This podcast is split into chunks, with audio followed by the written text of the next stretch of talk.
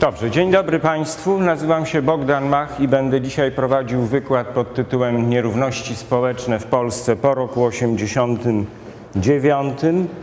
Parę uwag o tym, jak ten wykład będzie wyglądał. Po pierwsze, będzie to raczej systematyzacja wyników różnego typu badań nad nierównościami społecznymi, ale na pewno nie będzie to szczegółowa prezentacja wyników badań empirycznych, których zrealizowano w Polsce bardzo wiele.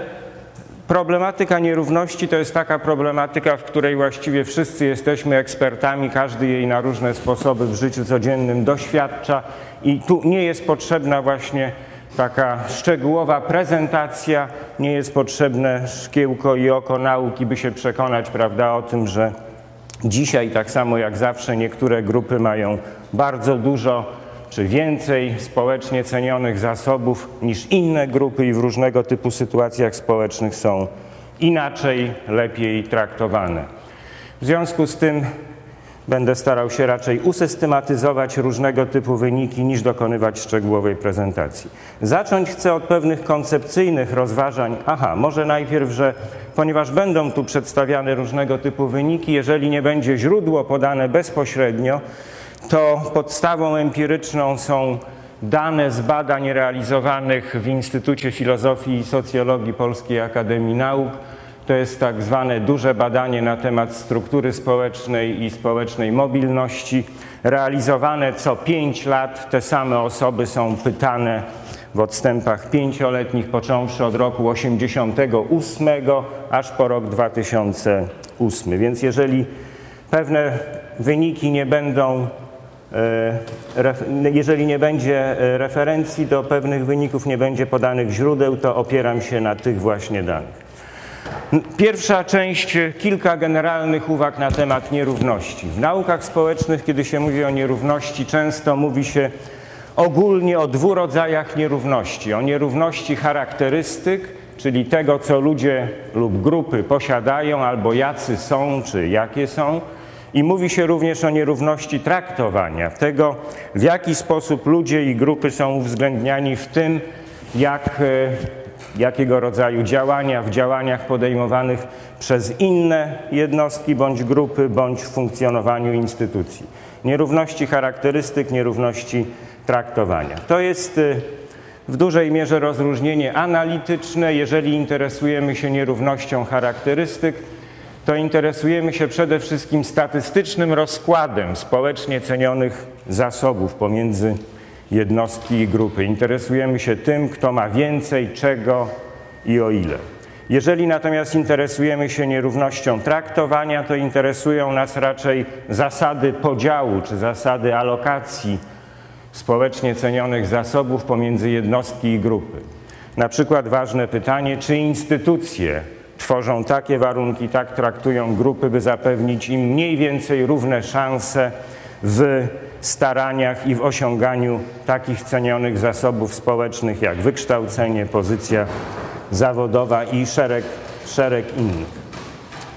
Ale ważne jest to, że zróżnicowanie, zróżnicowane traktowanie można uważać również za, charaktery, za charakterystykę jednostki czy grupy, i mówić łącznie o nierównych charakterystykach i o nierównym traktowaniu jako o nierówno dzielonych w społeczeństwie dobrach, najogólniej rozumianych. I tak często dziś, dziś coraz częściej postępują nauki społeczne, a także filozofia polityczna i filozofia moralna. Właściwie to rozróżnienie nierówności charakterystyk, nierówności traktowania e, funkcjonuje w różnego typu zainteresowaniach szczegółowych, ale kiedy ogólnie się mówi o nierówności, mówi się po prostu o nierówno dzielonych dobrach. Te dobra mają bardzo zróżnicowany charakter i na to bym chciał szczególnie zwrócić uwagę. E, mają charakter ekonomiczny, mogą dotyczyć majątku, zarobków, własności, czy prawda, e, stanowią majątek, zarobki, własność te dobra mają charakter kulturowy, tutaj przykładem jest konsumpcja kulturalna, dobre obyczaje. Te dobra mają też charakter czysto społeczny, dostęp do sieci towarzyskich, kapitał społeczny, różnego typu znajomości. Te dobra mają również charakter obywatelski, o czym zapominamy, ponieważ zakładamy, że w społeczeństwach takich jak nasze wolności obywatelskie są powszechnie dostępne i równość wobec prawa jest zagwarantowana, ale w wielu systemach w dalszym ciągu to nie jest takie oczywiste. Dobra mają charakter oczywiście też edukacyjny. To, co jest nierówno w społeczeństwie dzielone, to wykształcenie w różnych formach, rozumiane jako formalne wykształcenie i rozumiane jako realne kwalifikacje. Oczywiście jest jasne, że mm, nie zawsze formalne wykształcenie i realne kwalifikacje to to samo. Warto, koniecznie trzeba pamiętać, że dobra te są materialne i niematerialne. Obejmują oczywiście bogactwo i władzę, ale również takie dobra jak prestiż społeczny i tu warto rozróżnić prestiż osobisty i prestiż zajmowanej pozycji społecznej. Prawda? Cenimy niektórych polityków, różni ludzie różnych, natomiast generalnie zawód polityk czy pozycja społeczna polityk jest w Polsce stosunkowo nisko oceniana, o czym badania nad prestiżem zawodów y, y, przekonują. W związku z tym prestiż osobisty i prestiż pozycji, dwa różnego rodzaju aspekty prestiżu. Ale to, co jest y, nierówno w społeczeństwie dzielone, to również pozytywna samoocena i generalnie szerzej to, co psychologowie nazywają psychicznym dobrostanem, pewnego typu przekonanie, że prowadzi się sensowne życie, że ma się kontrolę nad własnym życiem, autonomia różnego rodzaju w sferach e, zarówno osobistych, jak i zawodowych, zdrowie, dostęp do informacji to wszystko są dobra częściowo niematerialne, mające oczywiście wymiar materialny również, które są w społeczeństwie nierówno, nierówno dystrybuowane i którymi badacze interesujący się nierównością interesują się. Także widzą Państwo, że ten zakres problematyki jest, y, jest ogromny. Nierówność jest zawsze wielowymiarowa. W związku z tym, prawda, jak słyszymy o tym, że nierówność wzrasta bądź maleje, to dobrze jest się zapytać, prawda, o jakiego typu nierówności mówimy. Dziennikarze mają często tendencję właśnie do takiego generalizowania, pisania, że nierówność znowu wzrosła, prawda, albo że są pewne nadzieje na to, że jej poziom się jakoś obniży. To wszystko trzeba uszczegóławiać, jeżeli mamy wyrobić sobie rzeczywisty, rzeczywisty obraz tego, co, co w społeczeństwie się dzieje. Więc nierówność jest zawsze wielowymiarowa i bada się ją pomiędzy jednostkami bądź pomiędzy grupami społecznymi, i ten stopień nierówności pomiędzy jednostkami bądź pomiędzy grupami decyduje o zróżnicowaniu szans życiowych jednostek i grup. To pojęcie szans życiowych wzięte w dużej mierze od Webera jest centralne w badaniach nad nierównością.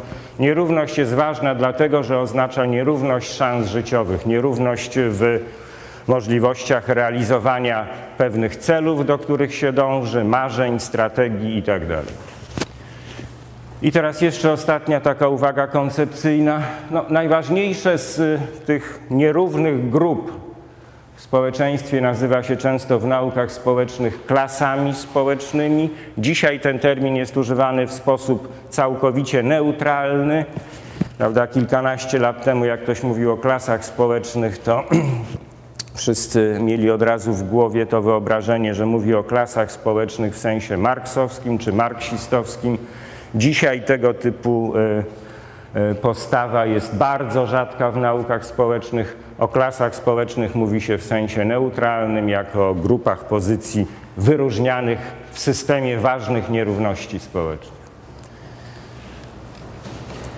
Różne teorie różnie wyodrębniają klasy i ich ilość. Marx inaczej na ten temat pisał, Weber pisał na ten temat inaczej, współcześni ludzie inspirowani myślą Marksa mówią na ten temat inaczej, współcześni Weber, neoweberyści mówią e, na ten temat trochę inaczej, ale wszyscy zwracają uwagę, że dzisiaj podstawą struktury klasowej jest struktura zawodowa, oraz e, posiadanie bądź nieposiadanie własności ekonomicznej.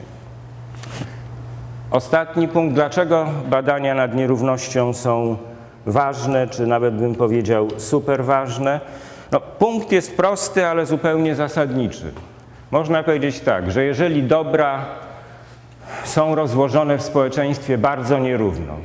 To niektórzy doznają różnego typu, ci, którzy mają ograniczony dostęp do dóbr, doznają różnego typu deprywacji materialnych oraz stresu psychologicznego, tracą kontrolę nad własnym życiem, stają się raczej pasywnymi przedmiotami niż aktywnymi podmiotami życia społecznego. Muszą się dostosować do ograniczeń tworzonych przez instytucje, inne grupy społeczne, inni, inne, inne jednostki i można powiedzieć, że w ten sposób są pozbawieni pewnego rodzaju fundamentalnej wolności, jak mówi Amartya Sen, nie tak Y, ekonomista, który mm, niewiele lat temu dostał Nagrodę Nobla. Ta fundamentalna wolność to wolność kształtowania swego życia zgodnie z własnymi planami, zdolnościami, strategiami, marzeniami, prawda? Jeżeli zasoby w społeczeństwie są rozłożone bardzo nierówno, jeżeli dobra są dzielone bardzo, bardzo nierówno, to niektórzy ludzie mają ograniczone szanse na korzystanie z tej fundamentalnej wolności. I to jest, y, y, prawda, ta, powiedziałbym, również filozoficzna podstawa, dlaczego nierównością społeczną powinniśmy się mm, interesować. Można też powiedzieć, że tak mówi właśnie Amartya Sen, jeżeli wolność i podmiotowość są miarą rozwoju społecznego, to duża nierówność ogranicza ten rozwój, zagraża mu, ogranicza kreatywność społeczną, ogranicza potencjał rozwojowy społeczeństwa. I to jest ta właściwa perspektywa, podkreślam jeszcze raz, e, nieco filozoficzna, w której według mnie nierównością warto się w ogóle zajmować. Teraz druga część tego wykładu instytucjonalny fundament nierówności w państwowym socjalizmie. Następna część będzie dotyczyła zmian po roku 89, ale państwo w, e, tak jak patrzę, Nikt z Państwa nie pamięta, jak wyglądał e, e, tamten system w szczegółach, w związku z tym to przypomnienie jest, jest tutaj bardzo ważne. Na czym, na czym co się składało na ten instytucjonalny fundament nierówności, którą można było obserwować w tamtym okresie? Po pierwsze, niepodzielna władza polityczna, która zapewniała elicie Polskiej Zjednoczonej Partii Robotniczej największy udział w dostępie do dóbr oraz przywileje e, gwarantujące członkom partii, oczywiście w zależności od pozycji zajmowanej w hierarchii partyjnej, e, różnego typu przywileje w życiu politycznym, ekonomicznym i społecznym.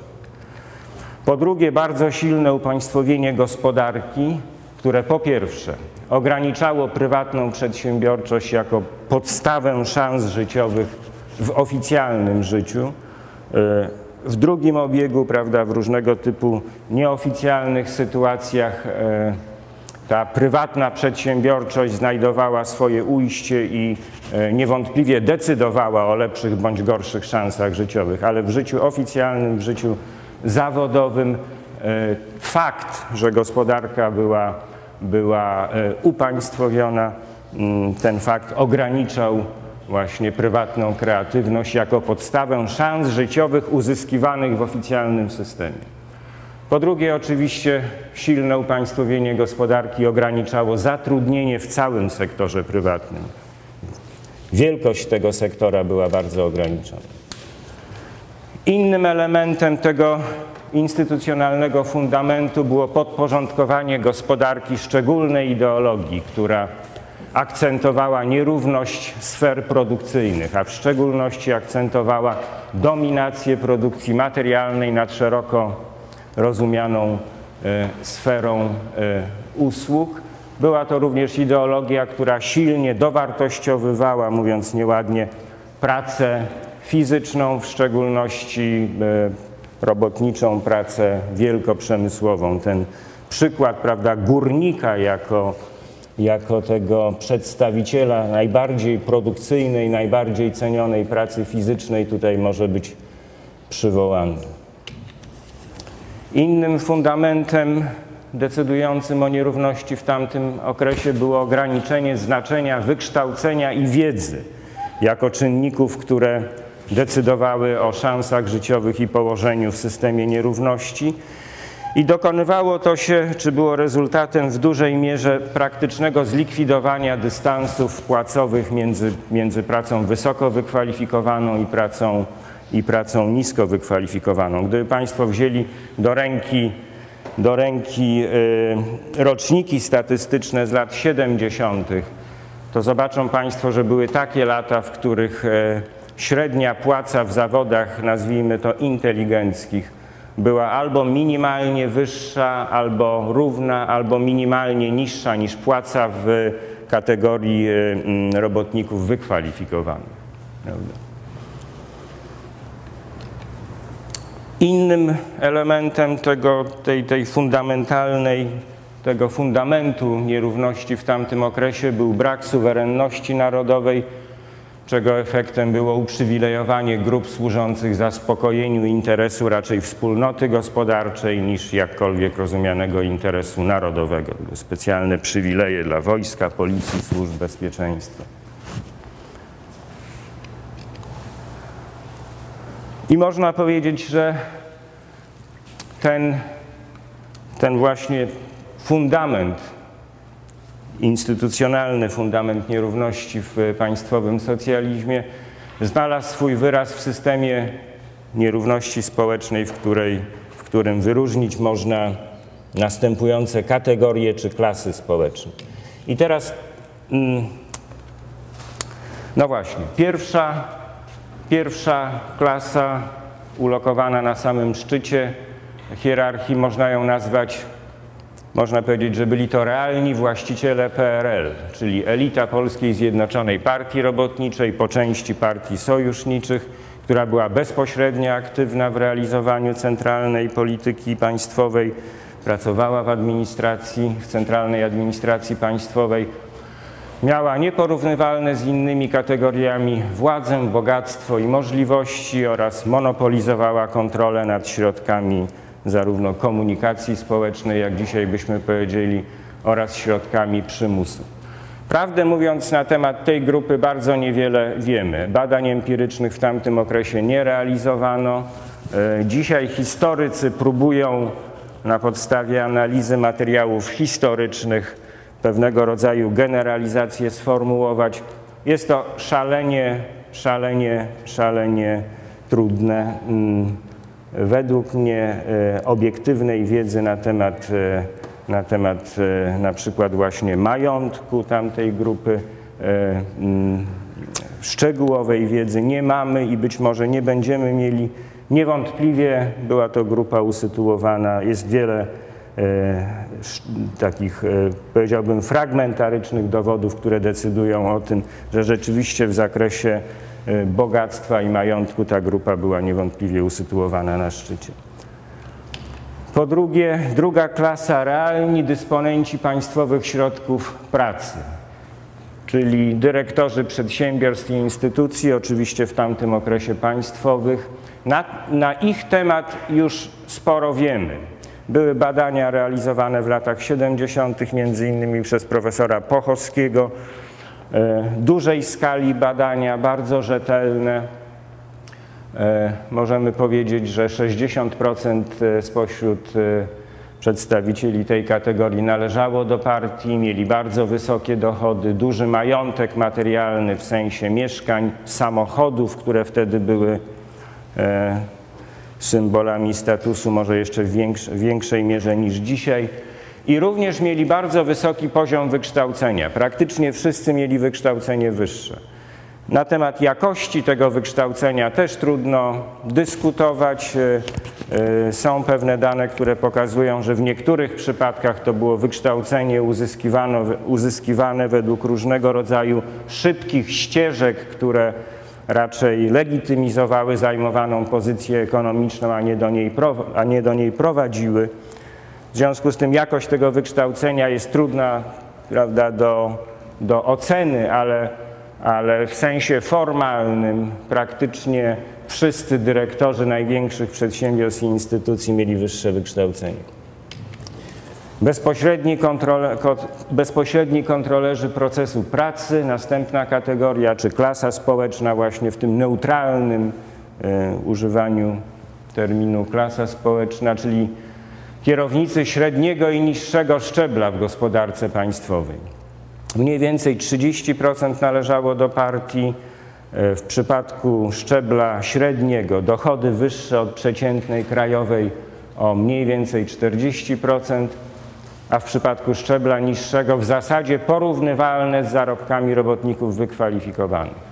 Te charakterystyki dotyczące wykształcenia przynależności partyjnej są właśnie z pierwszej, y, odnoszę się tutaj do wyników pierwszej fali tego badania, o którym wspominałem na wstępie, struktura społeczna i ruchliwość społeczna, badania zrealizowanego w 1988 roku po raz pierwszy. Na dużej próbie prawie 6 tysięcy e, ludzi, wysokiej jakości dane, dobrze, dobrze dokumentujące e, schyłek tamtego systemu. Eksperci i specjaliści, następna kategoria, wysoko wykształcony personel w zasadzie bez funkcji decyzyjno-kontrolnych, mniej więcej 15% w partii, słabe zarobki, oczywiście biorąc pod uwagę wysokie wykształcenie, częściowa autonomia w pracy, jak niektórzy wskazują, która może być traktowana jako rodzaj rekompensaty za, czy mogła być traktowana jako rodzaj rekompensaty za niskie wynagrodzenie. Ale tu też trzeba być ostrożnym. Praca osób wykwalifikowanych to jest taka, y, czy bardzo wykształconych, to jest taka praca, którą trudno jest kontrolować, prawda? Kontrolowanie jest mało efektywne albo a, a, zarazem dużo kosztuje. W związku z tym racjonalnym działaniem jest przyznawanie osobom wykonującym pracę wysoce kwalifikowaną pewnego rodzaju autonomii kontrolera to mniej kosztuje. W związku z tym, czy ta autonomia względna była rodzajem, reko, rodzajem rekompensaty za niskie wynagrodzenia, czy raczej pewnego rodzaju wymogiem systemowym, to na ten temat można dyskutować. Nie musi to być, e, nie musimy się zajmować tym e, w czasie tego wykładu. Prawdopodobnie i jedno, i drugie, jak to w naukach społecznych zawsze się dzieje. Wykonawczy pracownicy umysłowi, całkowicie pozbawieni autonomii pracowniczej, 12% w partii, silna feminizacja, słabe wykształcenie, dużo niższe dochody niż dochody robotników e, wykwalifikowanych. Wykwalifikowani robotnicy przemysłowi, no właśnie ta, ten centralny segment ówczesnej klasy robotniczej, 7% y, w partii prawda, z nazwy robotniczej, tylko 7%. Wykształcenie generalnie zasadnicze zawodowe, ale też wśród młodszych tylko kategorii. Wśród starszych e, e, osób było też bardzo wiele osób z wykształceniem podstawowym na różne sposoby przyuczonych tylko do zawodu. Zarobki prawie nie ustępowały zarobkom inteligentów i znacznie przewyższały płace różnego typu pracowników umysłowych, w szczególności wykonawczych pracowników umysłowych. Wiele zawodów należących do tej kategorii cieszyło się realnym, wysokim prestiżem społecznym. E, badania prestiżu to potwierdzają.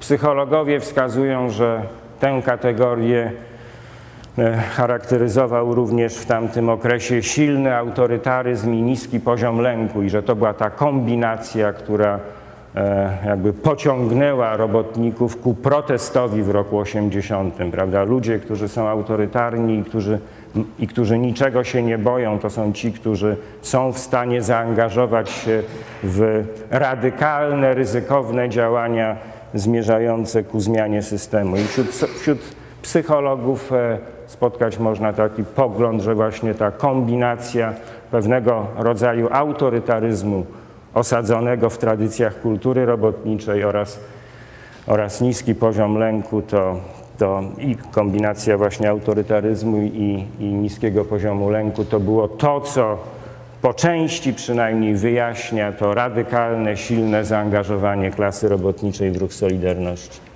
Można na ten temat oczywiście dyskutować, są inne teorie na temat tego, dlaczego Solidarność wystąpiła w taki, a nie w inny sposób. Też e, to jest e, problem na zupełnie inny, długi wykład.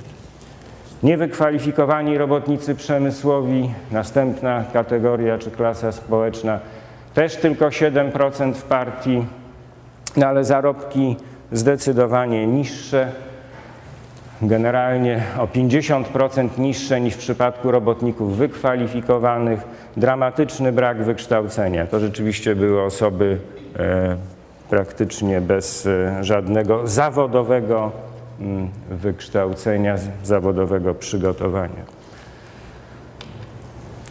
Fizyczni pracownicy usług w gospodarce państwowej 13% e, w partii, dochody na poziomie niewykwalifikowanych robotników przemysłu, czyli bardzo niskie. Oczywiście wiele z tych osób dawało sobie radę na inne sposoby, prawda? Pracowali w usługach, których, których, e, które były ciągle e, niedorozwinięte, pracowali w usługach, e, które funkcjonowały w gospodarce niedoboru, prawda? W sklepach, różnego typu punktach usługowych miały dostęp te osoby nieformalny do różnego typu dóbr, i też jest wiele opracowań na temat tego, jak sobie dawały radę w tym nieoficjalnym systemie, ale, e, mm, ale e, na poziomie formalnych zarobków to była, to była grupa bardzo, bardzo słabo uposażona. Jednocześnie grupa marginalizowana przez politykę gospodarczą, e, zdecydowanie sfeminizowana, można powiedzieć ex post, że bardzo słabo przygotowana do tego dramatycznego rozwoju usług, który nastąpił po zmianie systemowej w roku 89. Pracownicy najemni w sektorze prywatnym. Ten sektor był e, prawda, bardzo ograniczony, ale funkcjonował i funkcjonowali w nim również e, nie tylko właściciele, o których za chwilę, ale również pracownicy najemni. Można tę grupę scharakteryzować najkrócej, mówiąc, że była to grupa nie tylko marginalizowana, ale i otwarcie dyskryminowana przez państwową politykę gospodarczą. Była to grupa bardzo zróżnicowana pod wieloma względami, o zupełnie minimalnym poziomie upartyjnienia, o bardzo niskim wykształceniu i też można powiedzieć, że cechą tej grupy były zmienne, fluktuujące dochody Y, zarobki, które całkowicie były uzależnione od tego, jak radę dawał sobie mm, właściciel. Rolnicy indywidualni, y, warto pamiętać, minimalne upartyjnienie, mówiąc nieładnie, część z nich należała do ZSL-u, czyli Zjednoczonego Stronnictwa Ludowego. Ogólnie rzecz biorąc, grupa na dolnych szczeblach hierarchii dochodu i wykształcenia, ale ciesząca się względną autonomią wobec władzy, szczególnie po roku 56, kiedy zdecydowanie czy radykalnie władza odeszła od pomysłów na kolektywizację rolnictwa E, w sensie takiego portretu psychologicznego trzeba powiedzieć, na to zwracają uwagę psychologowie, że była to grupa o ogólnie pozytywnym obrazie własnym, który prawda, można wywodzić z różnego typu tradycji pewnego chłopskiego oporu i uporu, chłopskiej niezależności. E, to jako element tego portretu psychologicznego tej grupy powinno być e, przypominane. No wreszcie prywatni właściciele poza rolnictwem, czyli ta słynna prywatna inicjatywa. Na ogół w tamtym okresie po prostu rzemieślnicy niezatrudniający pracowników najemnych.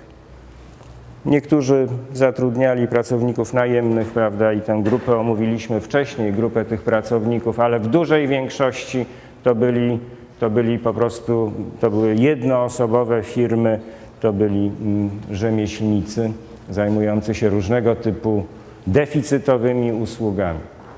Pod koniec, pod koniec PRL-u mm, ta grupa osiągała bardzo wysokie dochody, miała generalnie niski prestiż i niskie wykształcenie. No i trzeba dodać, że dochodom y, tej właśnie grupy sprzyjało, mm, sprzyjało, sprzyjało jej funkcjonowanie na obrzeżu, na styku z administracją państwową, e, tutaj różnego typu znajomości z władzami lokalnymi odgrywały dużą, dużą rolę e, w zapewnieniu pozycji ekonomicznej i wysokich dochodów. I teraz co się stało po roku 89? Jakie zmiany dokonały się właśnie w tym instytucjonalnym, instytucjonalnym e, fundamencie nierówności? Mogą Państwo znaleźć w literaturze różne katalogi, sami Państwo potrafiliby stworzyć też taki katalog. Myślę, że trzeba zwrócić uwagę na następujące rzeczy. No, po pierwsze, na demokratyzację polityki, która uniemożliwiała rządzącym trwałe zawłaszczenie władzy i bezkarne jej używanie w celu tworzenia własnych, e, własnych e, e, przywilejów, troski o własne interesy. Nie mówię, że to się nie dokonuje, oczywiście to się jak zawsze w każdej polityce dokonuje, ale wszystko pozycja polityczna jest w tej chwili legitymizowana e, różnego typu wyborami i nie jest, to, nie jest możliwe prawda, trwałe zawłaszczenie, trwałe zawłaszczenie e, władzy i bezkarne jej e, używanie. Nie mówię, że to się nie dzieje, ale strukturalna zmiana jest oczywista. E, druga, druga tendencja, na którą warto zwrócić uwagę, to odzyskanie suwerenności narodowej, które potencjalnie umożliwia dowartościowanie różnego typu pracy dla państwa, służby publicznej, troski o tradycję, kulturę narodową itd. Tak to uprzedzając, wyniki empiryczne w zasadzie się w Polsce nie dokonało. Yy, yy, płace prawda, w sferze budżetowej, w której w największej mierze skoncentrowane są prace tego rodzaju, w porównaniu do wzrostów w gospodarce prywatnej są stosunkowo nieliczne, ale potencjalnie taka możliwość istnieje i w przyszłości bliższej bądź dalszej miejmy nadzieję, że się dokona. E, następną tendencją jest e, postępujące, mówiąc nieładnie, odpolitycznienie gospodarki, które ma różne konsekwencje. Najbardziej generalnie można by je scharakteryzować e, w taki oto sposób, że to odsunięcie sfery politycznej od gospodarki prowadzi do dominacji rynku jako zasadniczego, podstawowego mechanizmu kształtowania szans życiowych Rynek i własność funkcjonująca na rynku stają się zasadniczymi czynnikami decydującymi o, o tym, jakie szanse życiowe mają poszczególne jednostki i poszczególne grupy społeczne. Grupy społeczne. Odpolitycznienie gospodarki prowadzi również do ograniczenia politycznie regulowanej redystrybucji szans życiowych, prawda? To jest różnego typu wycofywanie się państwa z różnych sfer w których dokonuje się bezpośrednia dystrybucja e, dóbr mm, publicznych. Oczywiście na temat tego wycofywania się państwa są toczone dyskusje. Jedni uważają, że państwo praktycznie Wycofało się już e, z troski o dystrybucję różnego typu dóbr, które są e, grupom społecznym niezbędne. Inni uważają, że to wycofanie się jest, jest częściowe, inni uważają, że państwo dopiero powinno się wycofać, prawda? Często te spory mają charakter publicystyczny. Yy, Trudno tutaj o jednoznaczne zupełnie stanowisko. Żadne państwo nie może się wycofać z gospodarki i prawda, historycznie rzecz biorąc i również patrząc na współczesną Europę, nigdzie to się nie dokonuje, ale stopień uwikłania e, państwa w gospodarkę jest oczywiście bardzo różny i, i każde odpolitycznienie gospodarki prowadzi do ograniczenia tych socjalnych funkcji państwa. Z czym mamy do czynienia? E, z czym jeszcze mamy do czynienia? No, mamy, prawda, nie tylko odpolitycznienie gospodarki, ale sprywatyzowanie czy prywatyzację gospodarki, która w tendencji oznacza, no, coś, co można nazwać powrotem indywidualnej przedsiębiorczości, kreatywności, wiedzy jako ważnych kryteriów decydujących o szansach społecznych i położeniu w systemie nierówności. W różnej prawda, mierze to się w różnych sektorach odbywa, ale generalnie prywatna gospodarka jest tą gospodarką, w której indywidualna przedsiębiorczość, kreatywność, wiedza zaczyna się e, w strukturalny sposób liczyć. Drugą konsekwencją e, procesów prywatyzacyjnych jest oczywiście dopuszczenie bezrobocia, o czym nigdy nie należy zapominać. Co więcej się dzieje w tej przebudowie tego instytucjonalnego fundamentu nierówności? Mamy do czynienia z całkowitym odrzuceniem ideologii akcentującej jakieś szczególne społeczne znaczenie pracy tak zwanej produkcyjnej czy produkcji materialnej. To, co charakteryzowało poprzedni system, właśnie to ciągłe odwoływanie się, że społecznie użyteczna jest tylko praca materialna, praca produkcyjna w sensie produkcji właśnie dóbr materialnych, to całkowicie znika z dyskursu publicznego, ze świadomości społecznej. E, I oczywiście postępuje też, mówiąc nieładnie, serwicyzacja gospodarki, czyli rozwój sektora usług, ilościowy rozwój sektora usług, co jest y, tendencją e, klasyczną, zgodną ze współczesnymi ze wszystkimi współczesnymi trendami rozwojowymi w innych państwach. Co więcej się dzieje i co ma wpływ na, na nierówności po roku 1989? Mamy globalizację polskiego życia ekonomicznego i życia społecznego, która prowadzi do różnego typu korzyści materialnych i prestiżowych związanych z zajmowaniem pozycji na styku gospodarki polskiej i gospodarki światowej. Różnego typu praca w firmach zagranicznych, prawda, uwikłanie w e, kontakty między firmami polskimi i zagranicznymi, powstawanie pozycji zawodowych, których centrum jest jakby odpowiedzialność za te kontakty. To wszystko wytwarza pewną nową grupę pozycji e, mm, usytuowanych szczególnie w procesach społecznej nierówności. Mamy wreszcie proces integracji Polski z Unią Europejską, który ma oczywiście szereg różnych konsekwencji. On prowadzi generalnie e, stopniowo do ograniczania roli rządów narodowych w gospodarce i w życiu społecznym, ale również ten proces integracji zmienia znaczenie krajowego systemu nierówności społecznej. Powstaje, powstają klasy społeczne, nie, które niektórzy nazywają transnarodowymi klasami społecznymi. Prawda? Taka transnarodowa klasa mm, menedżerów dużych korporacji, na przykład grupy osób, które, w których, które jako grupy definiują się raczej w kategoriach prawda, podobieństwa do osób zajmujących podobne pozycje w innych krajach niż do jakkolwiek definiowanych tutaj grup, grup krajowych.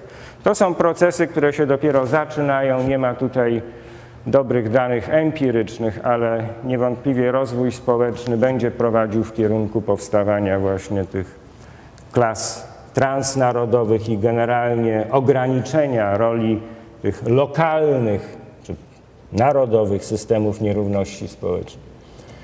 To fascynujący temat, do, mm, którym warto zająć się być może w najbliższej przyszłości, ale jednak w dalszym ciągu temat z przyszłości, a nie z chwili obecnej. Dobrze, proszę Państwa, katalog szczegółowych zmian w systemie nierówności w Polsce po roku 89. To jest taki katalog trochę autorski, jakby ktoś inny prowadził ten wykład, to pewnie ta lista mogłaby wyglądać trochę inaczej, ale podstawowe rzeczy są oczywiste i, i, i o nich y, chcę powiedzieć.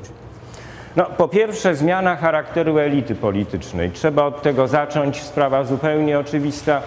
Po 1989 roku ta nowa elita składa się w olbrzymiej mierze z nowych jednak ludzi. Oczywiście jest pewna grupa polityków, y, e, z historią, czy dobrze zdefiniowaną historią ze starego systemu, ale to jest w olbrzymiej, w olbrzymim zakresie prawda, wyjątek. Ta współczesna elita ma oczywiście więcej władzy niż obywatele, tak było zawsze i tak jest również dzisiaj. I również dziś i jak zawsze wykorzystuje często tę władzę dla celów osobistych i dla tworzenia własnych przywilejów, ale najważniejsza sprawa jest odpowiedzialna przed społeczeństwem, a jej władza jest legitymizowana wyłącznie poparciem wyborców. To jest całkowita, strukturalna zmiana w charakterze tej kategorii ulokowanej prawda, najwyżej w hierarchiach władzy państwowej. Koniecznie o tym pamiętać.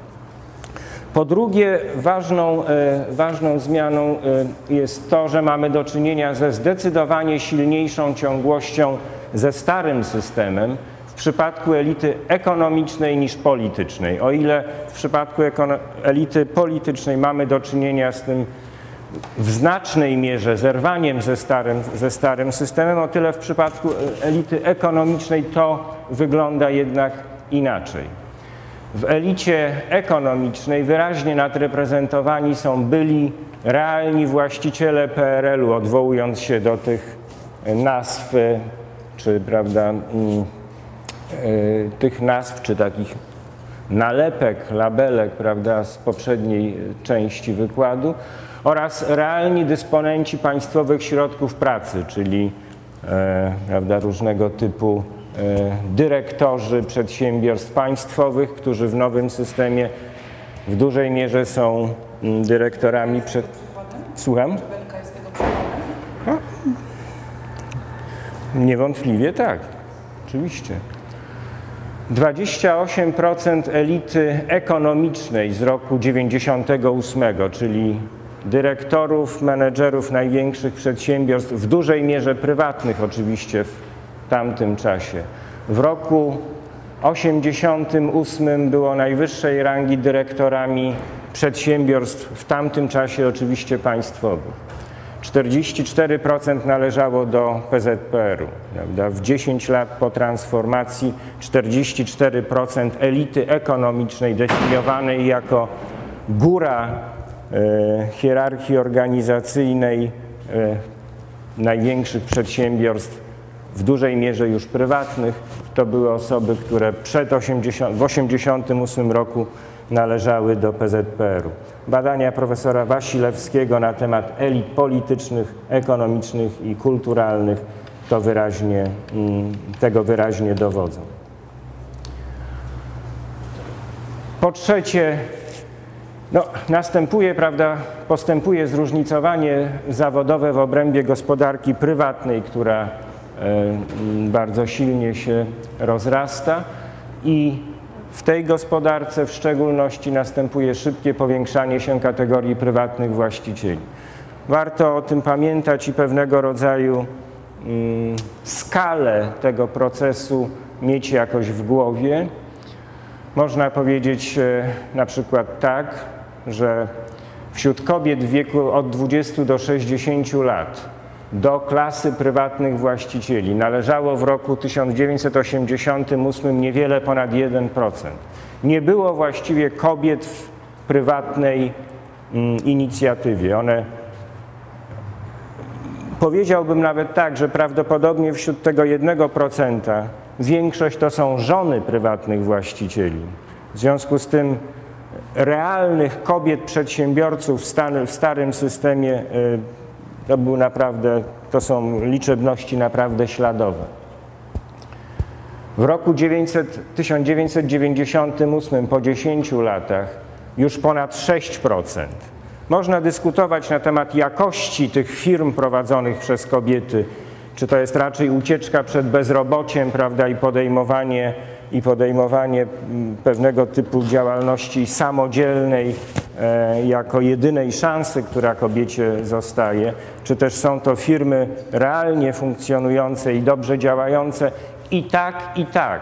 Ale tu chcę zwrócić uwagę tylko na to, że to już jest 6%, to jest, to jest e, realny, realny segment e, struktury społecznej. Wśród mężczyzn w wieku od 20 do 65, czyli prawda, w tym okresie mm, nieemerytalnym, w 1988 roku to było 6%, to jest 12% w 10 lat później.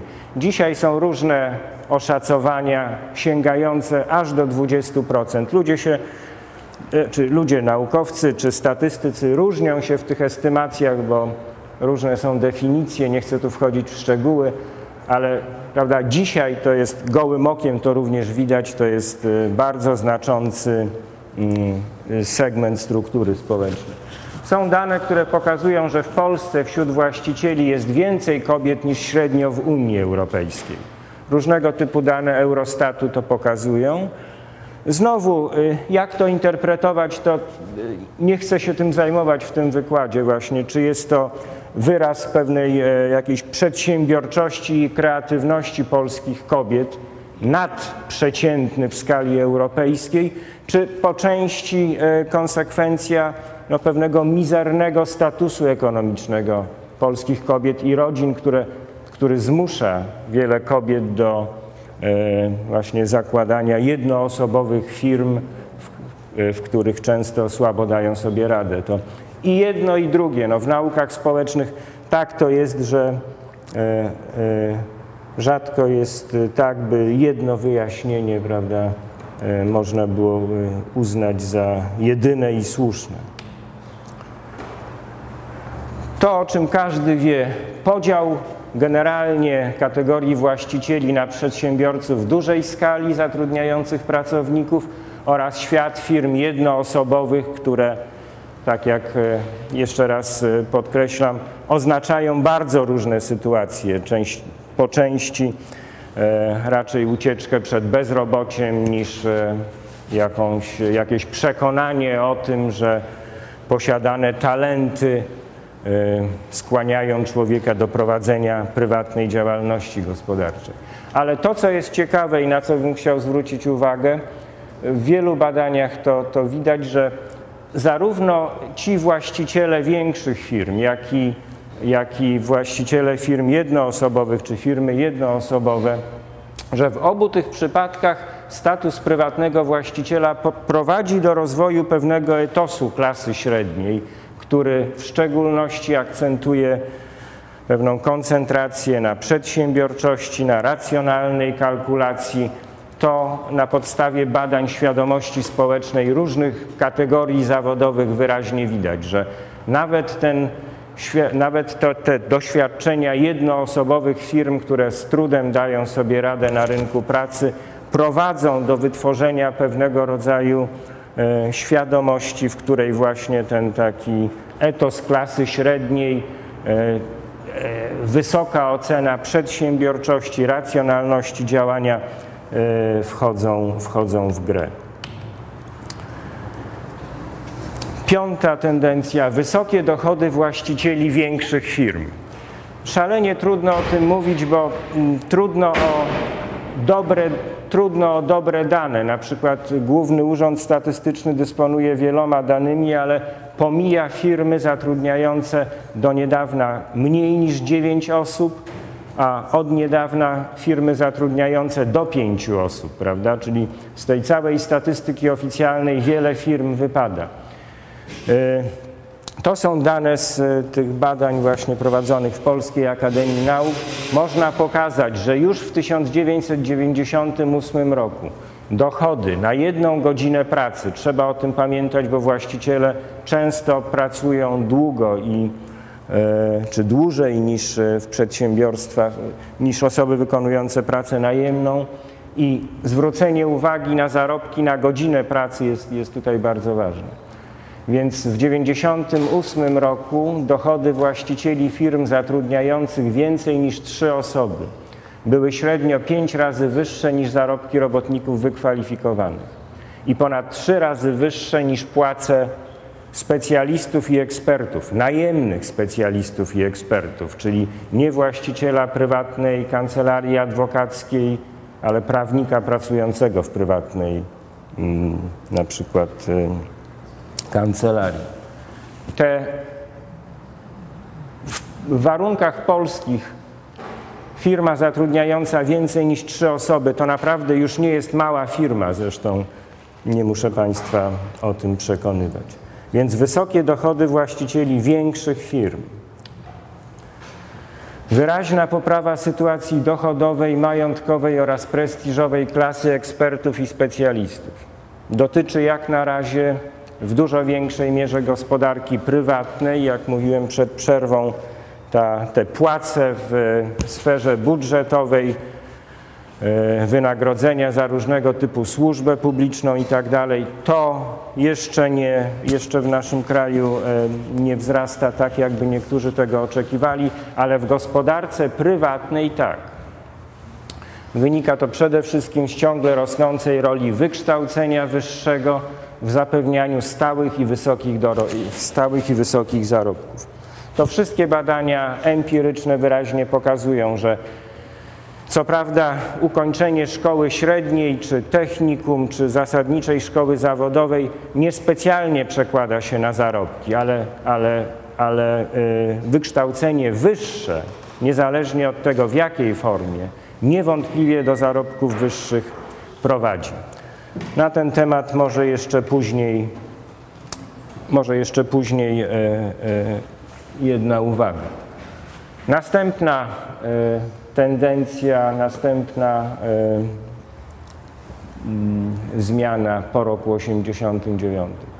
Umiarkowany wzrost ogólnej nierówności w dystrybucji dochodów.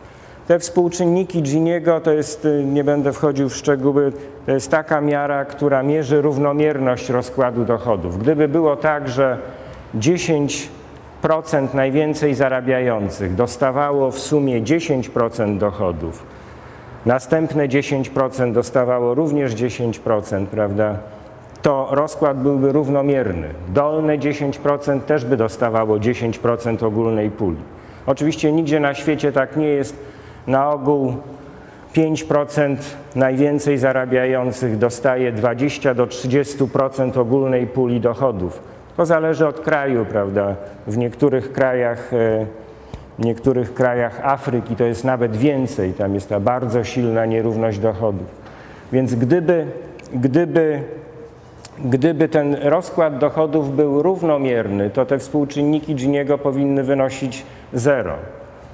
Jak widzimy, e, nigdzie one nie wynoszą zero, bo właśnie osoby więcej zarabiające dostają większą część puli dochodów. W Polsce, gdybyśmy porównali rok 82 z rokiem 2005, to widzimy, że no, ten, te, te współczynniki rosną, prawda? E, e, co jest informacją o tym, że nierówność w dystrybucji dochodów wzrasta. E, ale jest to wzrost stosunkowo umiarkowany i mniejszy w odniesieniu do zarobków, indywidualnych zarobków, niż w odniesieniu do dochodów na głowę. Czyli jakby wzrost nierówności jest silniejszy w odniesieniu do dochodów na głowę definiujących e, status materialny rodzin i gospodarstw domowych, niż w odniesieniu do indywidualnych dochodów które można traktować jako rodzaj nagrody za wykonywaną pracę. Czyli nierówność jakby wzrasta bardziej w sferze społecznej niż w sferze czysto ekonomicznej.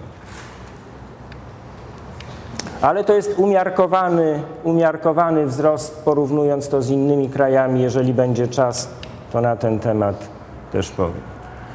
Różnice w zarobkach kobiet i mężczyzn nie powiększyły się po zmianie roku 89, co jest bardzo pozytywnym, e, bardzo pozytywną tendencją. E, było wiele takich oczekiwań, że transformacja będzie oznaczała pogorszenie sytuacji kobiet, zarobkowej sytuacji kobiet.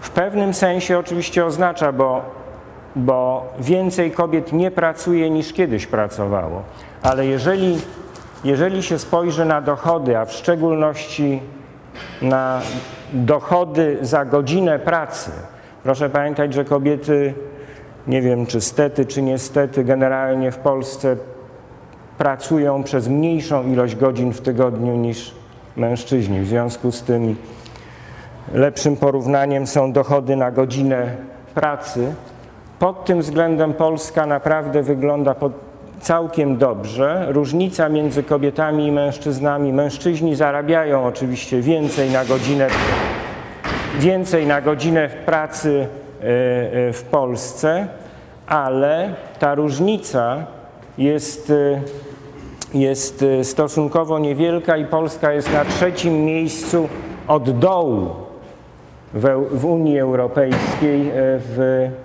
w tej różnicy, czyli różnica między mężczyznami i kobietami jest w Polsce prawie najmniejsza w Unii Europejskiej. Jest, jest jeszcze mniejsza na Malcie i gdzieś jeszcze, nie pamiętam w którym, w którym kraju. E, wbrew oczekiwaniom ta, ta, te różnice w zarobkach mężczyzn i kobiet nie powiększyły się. Kobiety dalej zarabiają mniej, ale w Polsce ta różnica wynosi 7,5%. To jest liczone w ten sposób różnica między średnimi, między średnią płacą mężczyzn i średnią płacą kobiet podzielona przez średnią płacę mężczyzn. Ta różnica to jest 7,5% średniej płacy mężczyzn. W Polsce to jest 7,5% tylko, w całej Unii Europejskiej to jest 17,4%. Prawda? Średnio rzecz biorąc, te różnice między płacami kobiet i mężczyzn są większe w Unii niż w Polsce, a w krajach wschodniej Europy, na Ukrainie, e, Kirgistan, prawda, i tak dalej, ta różnica jest jeszcze większa. Więc ja nie mówię, że sytuacja kobiet jest bardzo dobra w Polsce, ale porównanie Porównanie mężczyzn i kobiet w Polsce i w innych krajach pokazuje, że ta różnica między zarobkami mężczyzn i kobiet w Polsce nie jest mm, szczególnie duża, a nawet w odniesieniu do standardów europejskich jest stosunkowo nieduże. Słaby wzrost politycznego wpływu kobiet, na przykład procent kobiet w Sejmie, jeżeli Państwo mm, spojrzą jak z kolei wyglądają te nierówności w dostępie do władzy, czy w wykonywaniu, czy w sprawowaniu władzy. Procent kobiet w Sejmie przed zmianą 1989 roku to zawsze było około 10%. To przez wszystkie kadencje Sejmu tak wyglądało.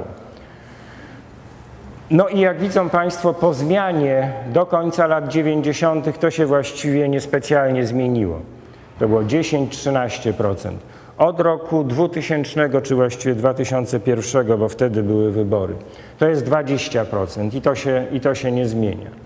20 wśród posłów, 20%, 20% mm, to kobiety i to jest oczywiście dużo, dużo mniej niż w innych krajach europejskich. Kobiety w radach powiatu, sejmikach, województw i tak dalej. To jest e, jeszcze mniej 17-18% w zależności od regionu. Niewielkie zróżnicowanie regionalne, wbrew temu, co niektórzy mogliby oczekiwać.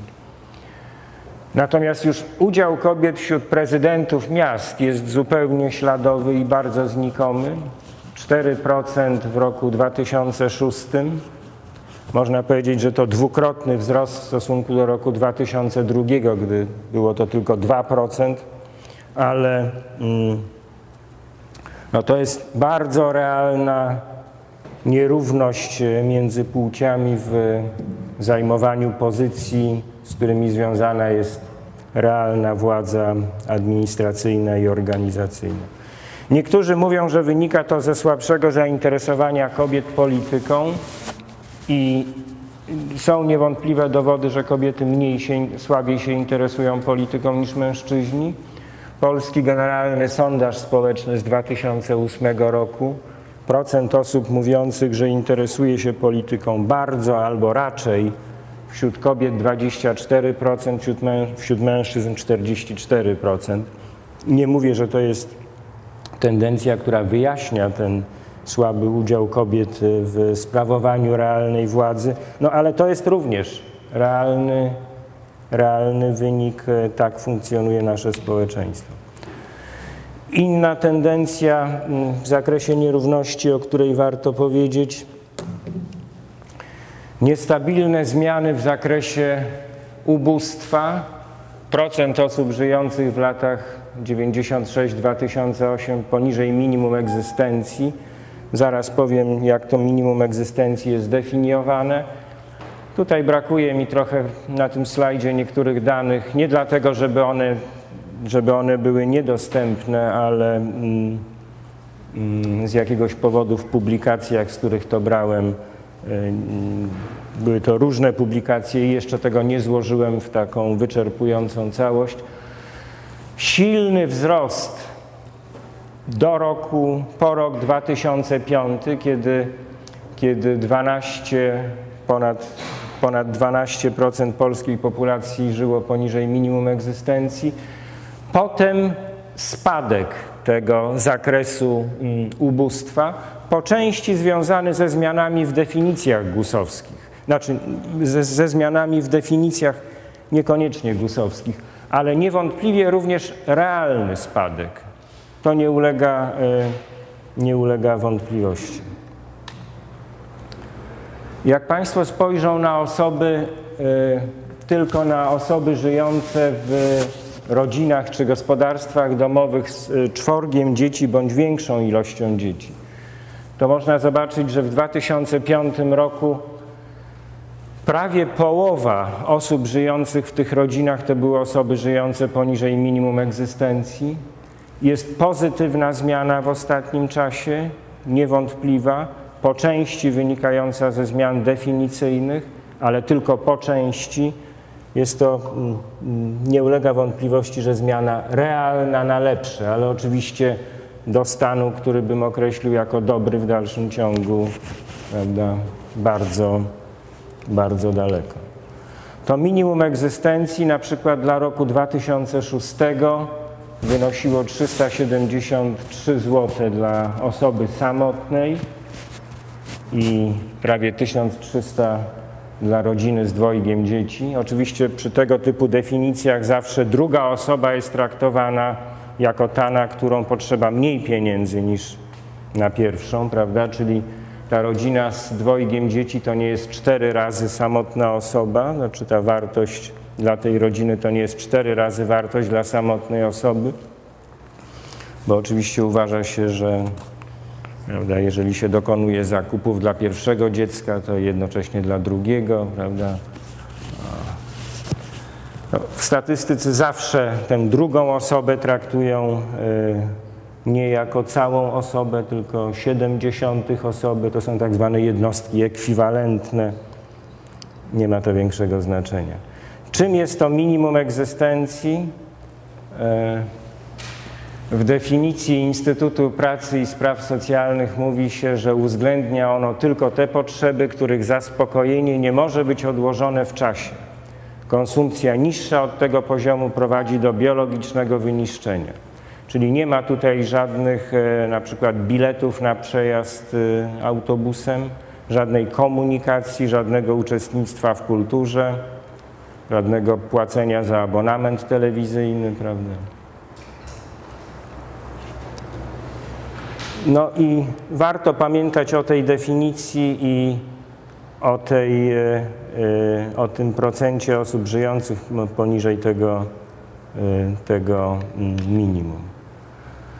Według danych europejskich porównywalnych obszary zagrożenia ubóstwem były w Unii Europejskiej największe na Litwie i w Polsce, mniej więcej 21% populacji to oczywiście jest definicja bardziej liberalna, definicja ubóstwa niż to minimum egzystencji, które jest bardzo, prawda, sądząc po tym przytoczonym fragmencie, jest bardzo taką skrajną definicją. W Polsce właśnie na Litwie 21% i mniej więcej przy różnych definicjach tego, co w socjologii nazywa się underclass, czyli grupa osób trwale wyłączonych z rynku pracy i skazanych na pomoc społeczną. E, różne definicje w Polsce też się mówi, że być może około 20% osób to są właściwie osoby żyjące na marginesie gospodarki i społeczeństwa, czyli niepracujące, skazane na pomoc społeczną, e, słabo zintegrowane e, z szeroko rozumianym systemem społecznym. Następna te tendencja krystalizacja podziału na wygranych i przegranych w transformacji. Można pokazać, że w 1988 roku dochód na głowę w rodzinach właścicieli, menedżerów i ekspertów wynosił 110 przy średniej 100 i wzrósł do 172 w roku 2003. Wśród robotników i rolników zmiana nastąpiła w przeciwnym kierunku. Oni już w 1988 roku zarabiali troszeczkę, mm, troszeczkę e, niżej niż średnia, ale minimalnie, prawda, 96. E, po 15 latach w 2003 ta tendencja jest w dół, zarabiają tylko 92% średniej. Przypadku, w ich przypadku, prawda, tendencja jest e, tendencja jest, e, nega, tendencja jest e, spadająca. W przypadku grup ulokowanych na szczytach struktury zawodowej tendencja jest w drugą stronę. To samo się dzieje w odniesieniu do, do świadomości społecznej, postępuje polaryzacja psychologiczna i świadomościowa widoczna szczególnie w retrospektywnej ocenie socjalizmu, nastawieniach egalitarnych i opiniach o roli państwa w redukowaniu nierówności. W wyższych segmentach struktury zmniejsza się, zmniejsza się cały czas procent osób, które uważają, że różnice dochodowe są w Polsce za duże, które w jakimś sensie tęsknią za socjalizmem, które są za tym, by państwo aktywnie brało udział w redukowaniu nierówności, natomiast w kategoriach ulokowanych, e, mm, ulokowanych niżej w hierarchiach dochodów e, i e, władzy te tendencje są wzrastające, czyli coraz więcej osób uważa, że różnice dochodowe są w Polsce za duże, coraz więcej osób uważa, że socjalizm był nie tak złym doświadczeniem. Coraz więcej osób domaga się, by państwo aktywnie uczestniczyło w, w redukowaniu nierówności. Jakby te segmenty u góry struktury i u dołu struktury również w sensie nastawień, postaw i opinii odchodzą od siebie, nie tylko, nie tylko ze względu na dochody, na y, na y, dochody i zarobki, o których mówiliśmy poprzednio, ta polaryzacja się dokonuje, ale również ona się dokonuje w odniesieniu do tego mentalnego świata. Następuje zanik płacowych i psychologicznych dystansów między robotnikami przemysłu i pracownikami usług. E, w poprzednim systemie to rzeczywiście były dwa różne światy. Dzisiaj to rozróżnienie na pracę produkcyjną i pracę nieprodukcyjną przestaje, przestało istnieć i to zarówno w głowach pracodawców w sensie prawda, wynagrodzenia, jak i w głowach pracowników w sensie, w sensie e, nastawień, poglądów itd. Tak Te dwie grupy są bardzo do siebie zbliżone w tej chwili ze względu na to, ze względu na treści świadomości społecznej, postawy, opinie, sposób głosowania. Ta, ta, ta linia dzieląca kiedyś pracę, pracę, e, produkcję materialną i usługi dzisiaj zupełnie, zupełnie nie istnieje. I ostatnia może tendencja, brak jest kierunkowych zmian w związkach pomiędzy pochodzeniem społecznym, wykształceniem i osiągniętą pozycją w pracy. Robi się tych badań bardzo dużo, ale właściwie jedyna tendencja, która dobrze została udokumentowana, to, jest, to polega na tym, że w latach 90. zwiększyła się nierówność w dostępie do wykształcenia wyższego. Czyli na tej rewolucji, ekspansji edukacyjnej bardziej skorzystała młodzież pochodząca raczej z górnych niż z dolnych fragmentów struktury społecznej. W szczególności e, mm, młodzież pochodząca z rodzin, z rodzin inteligenckich. Ale w latach późniejszych e, nastąpiło pewnego rodzaju nasycenie. Właściwie na skutek rozwoju systemu edukacji wyższej, systemu szkolnictwa wyższego stworzono w Polsce tyle pozycji, tyle, tyle miejsc na uczelniach, na uczelniach wyższych, że właściwie osiągnięto pewnego rodzaju stopień nasycenia. Ci, którzy chcą studiować, właściwie studiują, oczywiście ponosząc większe bądź mniejsze nakłady materialne i borykając się z różnego typu, typu e, e, niedogodnościami. I w związku z tym ta przewaga, przewaga grup usytuowanych wyżej w strukturze społecznej w dostępie do wyższego wykształcenia już się nie powiększa, bo w zasadzie e, wszyscy, czy prawie wszyscy zainteresowani wyższym wykształceniem, jakiegoś typu wyższe wykształcenie zaczynają zdobywać. To, co zaczyna się w tej chwili liczyć, to zdecydowane różnice w jakości osiąganego wykształcenia różnice między trybami stacjonarnymi i niestacjonarnymi, lepszymi i gorszymi uczelniami, lepszymi i gorszymi kierunkami, czyli to wszystko, co nazywa się horyzontalnymi wymiarami nierówności edukacyjnych, to, to, to, to zaczyna bardzo wyraźnie różnicować szanse różnych grup społecznych. I gdybym miał podsumować, to nie będę oczywiście tych, tych, tych 13 czy 14 tendencji, o których mówiłem, jeszcze raz powtarza, powtarzał, ale bardziej ogólnie bym powiedział tak, że po pierwsze, warto pamiętać, że zmiany w polskim systemie nierówności nie odbiegają istotnie ani zakresem, ani natężeniem od tego, co dzieje się w innych nowych krajach członkowskich Unii Europejskiej. A w przypadku na przykład dochodowych nierówności między kobietami i mężczyznami uważam, że pozycja Polski jest lepsza niż wielu, wielu innych krajów. Co jeszcze raz podkreślam, nie oznacza, że uważam, że pozycja polskich kobiet jest dobra czy bardzo dobra. Ale jeżeli patrzymy relatywnie, to sytuacja nie jest, nie jest, nie jest zła. I za chwilę jeszcze na ten temat dwa słowa. Po drugie, wzrosty nierówności dochodowych w ujęciu porównawczym są w Polsce raczej umiarkowane. Szczególnie jeżeli porównamy Polskę z krajami Europy, Europy, Wschod... Europy czy Azji Wschodniej, takimi krajami jak Ukraina, Rosja, były republiki mm, poradzieckie.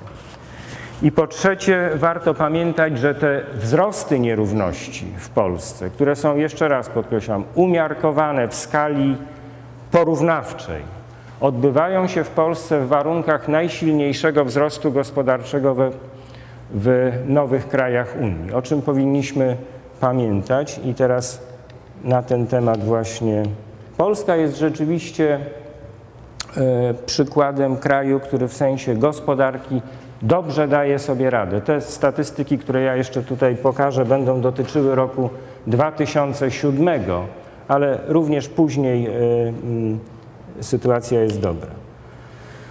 To jest, to, jest, to jest taka tabela e, nierówność w dystrybucji zarobków e, w Polsce w porównaniu z innymi krajami. Jeżeli Państwo spojrzą na Polskę, to jest w 1989 roku 207, w 99 305. I jak, jak, jak widać, prawda, porównaniu z innymi krajami to nie są dramatyczne wzrosty, a w porównaniu z Federacją Rosyjską i Ukrainą to jest o wiele słabszy wzrost nierówności. I o tym trzeba pamiętać. I wreszcie właśnie zmiana w e, rzeczywistym mm, e, produkcie prawda, gospodarczym, czyli ten, ta najbardziej podstawowa miara, miara rozwoju. Jeżeli przyjmiemy rok 89 za 100, to w Polsce w 2007 roku e, mieliśmy 169, prawda, czyli jakby cały, ten cały dochód narodowy się powiększył o 70%. I to jest najlepsza sytuacja w porównaniu z innymi krajami. E, jak Państwo spojrzą na Litwę, prawda, to to jest 116, procent. Y, Słowacja, która jest na drugim miejscu tutaj to jest y, 154, Ukraina w roku 2007 to jest 68% tego, co w roku 89. Tam jeszcze nie, nie zaczęła się ta tendencja, prawda, jakby wzrostu gospodarczego w stosunku do poziomu osią- osiągniętego w momencie rozpadu systemu. No i właśnie o tym, że,